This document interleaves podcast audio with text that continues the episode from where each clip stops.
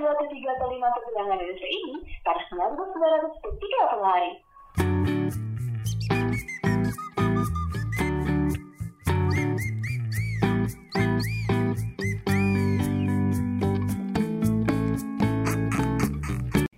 Assalamualaikum.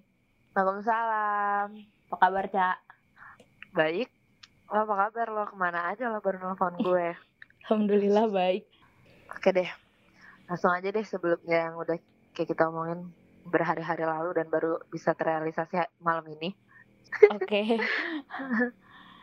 Iya, bilang dulu kali ya ke teman-teman yang bakal dengerin kalau ini adalah pilot project kita untuk podcast namanya sih sambungan telepon soalnya emang konsepnya kita nelpon berhubung lagi corona juga kita nggak bisa ketemu Nggak ketemu. Hmm, jadi kita Buat rekaman langsung. Jadi kita membuat podcast ini melalui sambungan telepon. Yes. Seperti namanya. nah tapi sebelumnya kita kenalan dulu gue dulu ya kali ya Oke. kayak gue Tamimah Gue Ica. Oke. Nah, karena ini pilot project, kita sih pengen ngomongin soal perkenalan dan first impression. Karena biasanya kan kalau habis kenalan, terus muncul tuh kesan pertama sama orang yang baru kita kenal. Kalau lu biasanya atau lu pernah dapet kesan pertama apa dari orang? Orang tuh ngeliat lu pas pertama kayak gimana sih?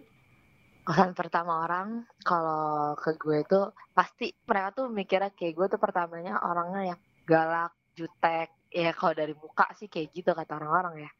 galak, jutek, nggak ramah. Eh, itu da- dari muka doang sih. Kalau misalnya mereka nggak nyapa, tapi kalau misalnya mereka nyapa beda lagi. Eh, yang di benak mereka gitu loh tentang gue kayak oh ini orang ternyata ramah, ramah banget karena dari cara ngejawab sapaan mereka yang kayak gitu-gitu. Kalau gue sih paling kayak gitu kesan pertama kali mereka ya. Hmm. Kalau ngeliat dari muka doang ya mereka pasti bakal ngeliatnya gue galak, jutek. Tapi kalau udah setelah ngajak bicara eh, beda lagi. Jadi mereka kayak bilang gue ramah D- dari cara gue jawab apa sapaan mereka sih kayak gitu. Kalau lu kayak gimana? Kalau gue nih biasanya abis kenalan ya sama kan abis kenalan. Terus kayak beberapa saat setelah itu kalau pas kayak lagi kayak ngobrol-ngobrol nanya first impressionnya kayak gimana biasanya orang tuh bilang gue pendiam. Tapi biasanya abis itu langsung kayak dibantah eh ternyata enggak gitu. Terus yang kedua biasanya orang tuh bakal bilang gue jaim gitu. Jadi kayaknya nih orang-orang yang gak asik deh kalau diajak ngobrol. Iya iya iya. tapi ada juga yang bilang gue tuh ngeliat lo pertama kayak muslimah yang teduh gitu loh Tom katanya kayak Hmm, hmm, Aduh hmm, tuh hmm, gimana iya. ya? Dan tapi ada nggak sih yang sebetulnya bener kesan pertama orang itu bener? Oh iya gue emang kayak gitu orangnya. Kalau Benar. lu? Ada iya. ada ada sih kayak kesan pertama orang yang bilang gue galak dan tegas gitu kan kalau mereka ngeliat dari muka doang, eh physically doang. Ya bener sih menurut gue setelah kan gue kenal pun gue mungkin ya ada juga sih kayak gitu. Tapi gue juga ramah gitu. Gue bisa aja ngikutin alur komunikasinya dia gitu. Iya. Kalau gue tuh kan karena orang mikirnya gue pendiam ya. Jadi Heeh. terus pas beberapa hari ketemu atau beberapa hari kerja bareng gitu, akhirnya oh ternyata enggak. Tapi akhirnya Iya, buat benar. orang buat orang-orang tuh kaget gitu ketika ngobrol sama gue, oh gue ceritanya banyak banget. Oh gue kalau ngomong ternyata nggak berhenti berhenti benar-benar. juga kayak gitu. Benar-benar. Kalau di gue malah kayak jadi karena mereka berpendapat gue galak, jadi kayak pendiam gitu kan orangnya. Mm. ternyata enggak setelah itu malah mereka bilangnya gue kocak ya suka ngerjain orang jahil yang kayak gitu-gitu jadi kalau ada orang bilang, bilang gue pendiam tuh itu kesan yang paling salah kayaknya gue gak pernah jadi orang pendiam gitu gue baca ngutip sih Mhm. dari Tirto. Jadi ada tuh namanya halo effect.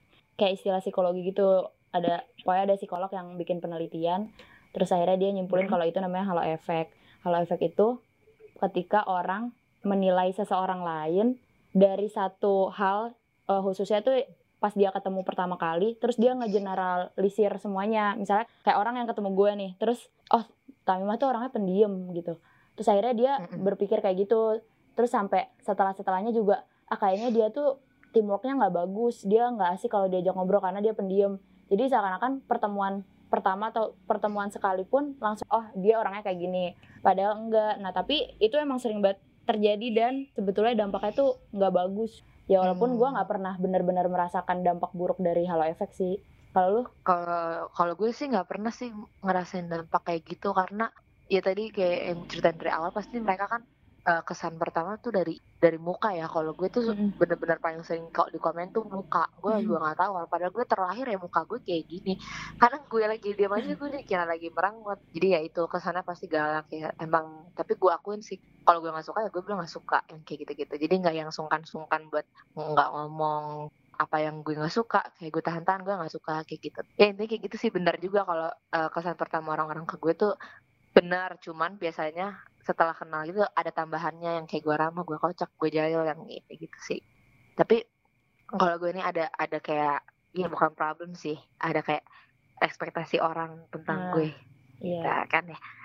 Jadi kan kita misalnya udah kenal lama nih udah kenal lama cerita dong kayak eh kayak ke- kemarin waktu masih kuliah ke teman-teman kuliah kayak ceritalah oh kemarin SMA di mana nih? Kayak gitu gitu kan gue kebenaran SMA di pesantren ya Mm-mm. gue pernah di pesantren Ya sama kan kita sekolah. kan nggak ada. Iya maksudnya ini gak, gue, gue cerita ke teman-teman gue gitu loh. Oh ya oke oke. kan mereka nggak ada yang nyangka sama sekali gitu loh kalau misalnya dilihat dari gue hmm, Ica gitu. Nggak ada yang nyangka kalau gue tuh pernah sekolah di pesantren kenapa nggak ada yang nyangka? Karena tuh ya itu ngeliat yang penampilan gue. Ya gue bukan cewek-cewek yang pakai gamis panjang jilbab selutut ya mungkin gambaran mereka kan ataupun gambaran orang pada umumnya anak pesantren kan kayak gitu tuh. Iya isi isi. terus enggak gue sama sekali nggak nggak ada di tutu di gue gitu. Gue penampil eh gue berpakaian ya biasa aja. Kayak yang syari syari sampai segitunya gitu. Jadi mereka nggak ada yang pernah nyangka. Mm-mm. nah pas mereka udah tahu nih gue pernah sekolah di pesantren tuh mereka tuh kayak eh, ekspektasi mereka oh udah hafal berapa juz? Hafal hafal Quran dong. Iya terus kayak benar. terus kalau nggak kok anak pesantren nggak pakai gamis sih? Kok anak pesantren nggak pakai rok sih? Kok anak pesantren kok anak pesantren kok anak- banyak nih kok anak pesantrennya kayak Mm-mm. ya Allah anak pesantren juga manusia kali gitu kan. Terus ya paling nyebelin sih kayak kalau kalau misalnya kayak gue gue kan kuliah bukan yang di universitas Islam gitu enggak ya. Dia benar-benar swasta yang yang ya umum banget lah kampus gue gitu kan kalau kayak kalau waktu kita lulus di pesantren kan kita dibilanginnya eh, jangan terlalu Iya ya. kalau bisa kita mewarnai gitu kan Iya. nah kalau gue sih gue mungkin gak mampu buat mewarnai teman-teman gue tapi seenggaknya gue nggak terwarnai kalau gue kalau gue di kampus gue ya karena ya lingkungan yang super umum gini nggak ada Islam Islaminya paling nanti ekspektasi mereka kayak ih ih kan lu anak pesantren kok lu ngomongnya kayak gitu sih? Ih kan lu anak pesantren kok pakaiannya kayak gitu? Ih, gitu deh pokoknya ekspektasi orang tuh lebih banget terus akhirnya ya gue jelasin. Mereka tuh menyangka kalau pesantren tuh hafal hafal Quran. Mm-mm. kayak gitu. Dan mengerti semua hukum agama Islam sumpah itu beneran gue ngerasain kayak semuanya. Ya gue sih sebenarnya seneng seneng aja tapi gue selalu tekankan ke mereka kalau misalnya mereka ada yang nanya ke gue eh cah gini gini gimana? Eh gue di kampus sampai dipanggil Umi kalau lo mau tahu. Gue enggak jadi mereka sampai nanya ke gue karena hal pas first impression kenal kan kayak gitu tapi ter- ternyata setelah diajak ngomong mungkin mereka ada yang cerita terus gue bisa nanggepinnya mereka merasa gue enak buat diajak temen cerita gue mampu apa ya menenangkan hati mereka kali kalau mereka cerita gitu. Sampai akhirnya ya itu makanya mereka manggil gue Umi itu. Nah ada kayak yang apa nanya akhirnya eh, mereka kan tadi bilangnya kalau pada umumnya mikir kalau gue tuh hafal Quran gue Mm-mm. yaitu mengerti semua hukum agama Islam. Tapi akhirnya gue jelasin kalau pesantren gue itu pesantren modern kan pesantren macam-macam ya ya Iya. kita udah tahu lah ada salafi ada yang segala macam lah pesantren yang gue tempatin tuh pesantren yang modern yang terkenal dengan apa bahasa sama kedisiplinannya jadi Mm. kayak orang-orang tuh mungkin bukan teman-teman gue doang ya mungkin teman-teman lu gitu gak sih Iya. kayak Temen-temen mereka pada gitu. umumnya menyangka kalau kita tuh hafal Quran akhirnya udah gue jelasin kalau sistem di pesantren gue itu gak seperti itu ya kita belajar pada umumnya cuman ya emang banyak pelajaran agamanya gitu kan lebih mendalam aja banyak agamanya tapi eh coba-coba lo gimana gue ngomong mulu tapi mah Iya. oke tadi terputus guys Iya guys. Iya gue jadi ingat gitu pas lu bilang orang-orang suka nanya hukum kayak gitu. Terus ekspektasi orang-orang pas tahu kalau gue juga punya latar belakang pendidikan pesantren. Ya kadang gue jadi mikir sih, oh iya mungkin gue juga tetap harus belajar. Gue tetap harus cari tahu lagi kayak gitu. Walaupun kadang ada beberapa ekspektasi yang misalnya pas mereka tahu gue berlatar belakang pendidikan pesantren, terus gue sebenarnya kalau ke kampus suka pakai rok juga ya oh eh, maksudnya orang masih percaya percaya aja ketika dibilang kalau gue adalah lulusan pesantren cuma kerudung gue kan biasa aja nggak yang terlalu panjang gitu Hmm. ternyata itu juga menimbulkan pertanyaan, pertanyaan dan dari orang-orang kayak emang kayak gitu ya diajarinnya? Kok kayak gini sih kok kayak gini sih? Gitu. Terus akhirnya gue mikir ya mungkin di satu sisi mereka nggak tahu gitu di pesantren gue diajarin apa aja dan apakah ini seluruhnya murni hasil didikan pesantren atau ada nah, pilihan gue juga kita lagi. kan heeh. Iya, akhirnya ya mau nggak mau gue emang harus ngejelasin biar kayak ya lurus aja gitu. Gue bilang sebetulnya semuanya diajarin baik-baik aja mungkin kalau yang kalian ekspektasikan kayak gitu ya diajarinnya emang kayak gitu gue dulu juga kayak gitu tapi pada akhirnya gue juga punya pilihan sendiri gitu untuk memutuskan bagaimana gue berpakaian atau bagaimana cara Iya, gue benar, benar bergaul banget. dan lain-lain benar. Sebenarnya dulu Iya, tuh gue termasuk orang yang kalau orang berekspektasi kayak gini ke gue, oh berarti gue harus mencapai itu gitu. Gue berusaha, Hmm. terus kalau orang kayak gini kenapa gue enggak? Tapi sampai akhirnya gue ketemu temen gue dan dia cuma bilang, iya ngapain sih hidup di atas ekspektasi orang? Terus gue kayak ketampar gitu. benar Eh iya juga ya kayak ngapain gue ngejar-ngejar atau gue berusaha ekspektasi gue ke diri gue sendiri menyesuai, aja. menyesuaikan diri ngapain kita menyesuaikan diri dengan ekspektasi orang lain Nah, Benar. gitu. Iya, kadang kita punya ekspektasi ke diri sendiri aja nggak terwujud gitu. Apalagi iya ini harus ngikutin ekspektasi orang kan Nah, capek banget hidup harus kayak gitu kalau kayak gitu, lu biasanya gimana sih? Maksudnya ketika ada gue- orang berekspektasikan Hmm. kayak gitu, lu bakal kalau gue gini gimana? kalau gue kalau misalnya udah ada mereka menyampaikan ekspektasi mereka or some- sometimes itu judgement ke gue gitu Hmm. gue bodo amat Hmm. gue bakal kalau gue misalnya gue dengar ya mereka ngomong direct gitu ke gue misalnya kalau am pesantren anak pesantren kok misalnya mereka nanya nanya Hmm. sesuatu ke gue terus gue nggak tahu nih gue bukan sebenarnya bukan nggak tahu kan kita mau ngasih tahu orang ya tentang hukum agama Islam Mm-mm. menurut gue nggak main-main gitu kan gue Iya, takut salah juga kayak gitu. Jadi biasanya gue hold dulu kayak ada pertanyaan-pertanyaan kayak gitu. Bentar-bentar gue cari dulu gitu. Ah gimana sih nih? Masa lo nggak tahu? Ya, biasa tuh kan menurut lo Iya. eh terus ya gue jelasin. Gue sebenarnya tahu tapi gue tetap harus nyari tahu dulu lah. Kan gue mau ngasih tahu ke lo nanti kalau lo ngikutin omongan gue ternyata gue salah kayak gimana? Jadi biasanya mereka kalau misalnya nanya sesuatu gue tuh nggak pernah ngasih ngasih kayak ngasih tahu lu harusnya kayak gini nggak? Tapi gue kayak ah lu bisa kayak gini tapi lu kita kan gitu ya yang kita pelajarin ya. Hmm. eh, ada berbagai macam pendapat tentang suatu hukum hukum gitu. Jadi gue biasanya ngasihnya nggak yang karena gue juga masih takut sih sebenarnya ngasih tahu orang. Jadi gue selalu bilang kayak tergantung ada sih orang yang percaya kayak gini ada orang yang mau kayak gini. Nah itu tergantung kepercayaan lu kayak gimana. Gue selalu kayak gitu. Kalau misalnya mereka nanya agak berat gitu pertanyaannya. Terus ada juga yang nanya mi gue nggak bisa tidur baca doa apa ya? Ya Allah yang bisa gue bingung ya kayak gitu. Doa apa ya yang bisa menenangkan hati? Ya udah gue kasih doa doa standar lah kayak doa kita bisa sholat dan kayak gitu gitu mereka mikirnya gue tahu semua doa gitu kan. Padahal ya udah doa yang gue gue yang ucapkan setiap hari juga doa doa ya kalau lu ingat Allah ya lu tenang yang kayak gitu. Bukan ada doa khusus buat menenangkan hati lo gitu.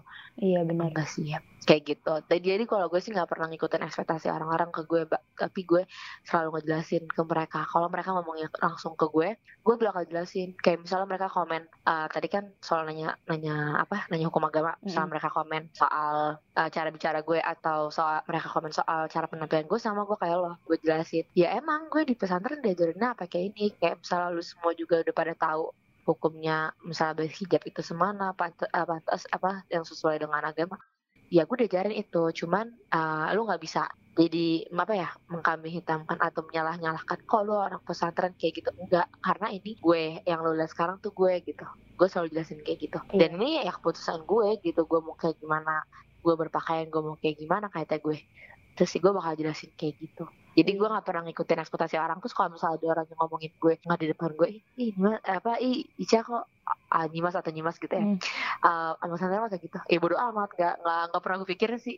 Nggak penting banget lo ngomongin gue aja di belakang gue ngapain gue masukin Iya, di ban pikiran gue nggak nggak penting. Iya, kalau gue sih dulu tuh emang masih masih orang-orang yang sebenarnya sampai sekarang sih gue tuh orangnya overthinking gitu. Jadi kayak kok orang bisa berpendapat gitu ya sama gue, kok orang bisa berpendapat gitu ya sama gue. Ya tapi lama-lama eh, atau ketika ngobrol itu akhirnya gue juga bisa memetakan gitu loh mana orang yang sebetulnya mempertanyakan karena dia memang punya gambaran anak pesantren itu syari terus ternyata kenyataannya enggak ada juga yang kayak setengah sarkas gitu loh.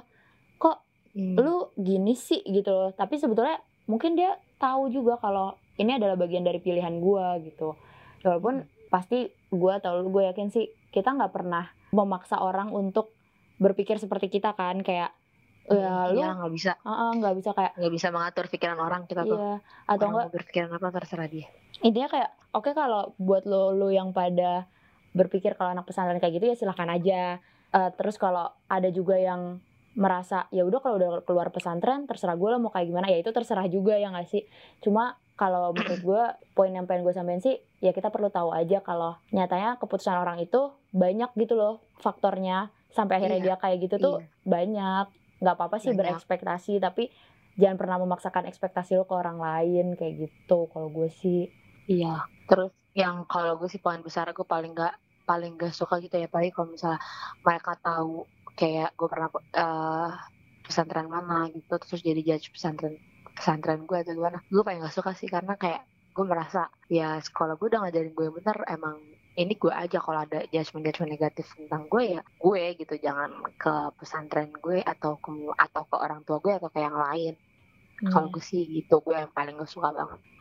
Tapi ada satu cerita lagi ya kalau kalau di gue ya kalau yang gue rasain. Jadi setelah mereka eh, itu kan itu kan judgement judgement gitu kan di awal-awal aja ya. Kalau gue Mm-mm. jadi kalau misalnya orang-orang yang benar-benar berteman sama gue sampai ya tahunan eh, anak kampus ya ini Mm-mm. uh, khususnya ya mereka bisa tahu oh gue gue nggak pernah membuktikan kalau gue itu alumni pesantren enggak. Tapi mereka akhirnya pada akhirnya oh iya emang lu ini kok pantas gitu. Kalau misalnya lu alumni Mm-mm. alumni pesantren gitu ya itu makanya perlu waktu juga sih. Iya. Pada akhirnya tanpa gue harus usaha memenuhi ekspektasi mereka akhirnya ekspektasi mereka juga berubah dan akhirnya terpenuhi juga gitu. Makanya menurut gue nggak usah terlalu ngambil pusing ekspektasi orang tentang kita. Ya udah jalanin aja hidup kita biar mereka aja yang merubah ekspektasi mereka tuh tentang kita gitu kalau gue ya Iya sih. Lagian gue setuju juga sih itu kayak nanti juga seiring berjalannya waktu mereka bakal tahu gitu apa yang mereka nilai sebetulnya benar atau enggak kayak gitu kan. Yang penting emang jadi diri sendiri aja. Gue inget tadi sih yang lo bilang lu mungkin nggak bisa mewarnai tapi gua, yang penting tidak terwarnai. Ya itu sih se- selagi nilai-nilai dalam diri lo tetap ada.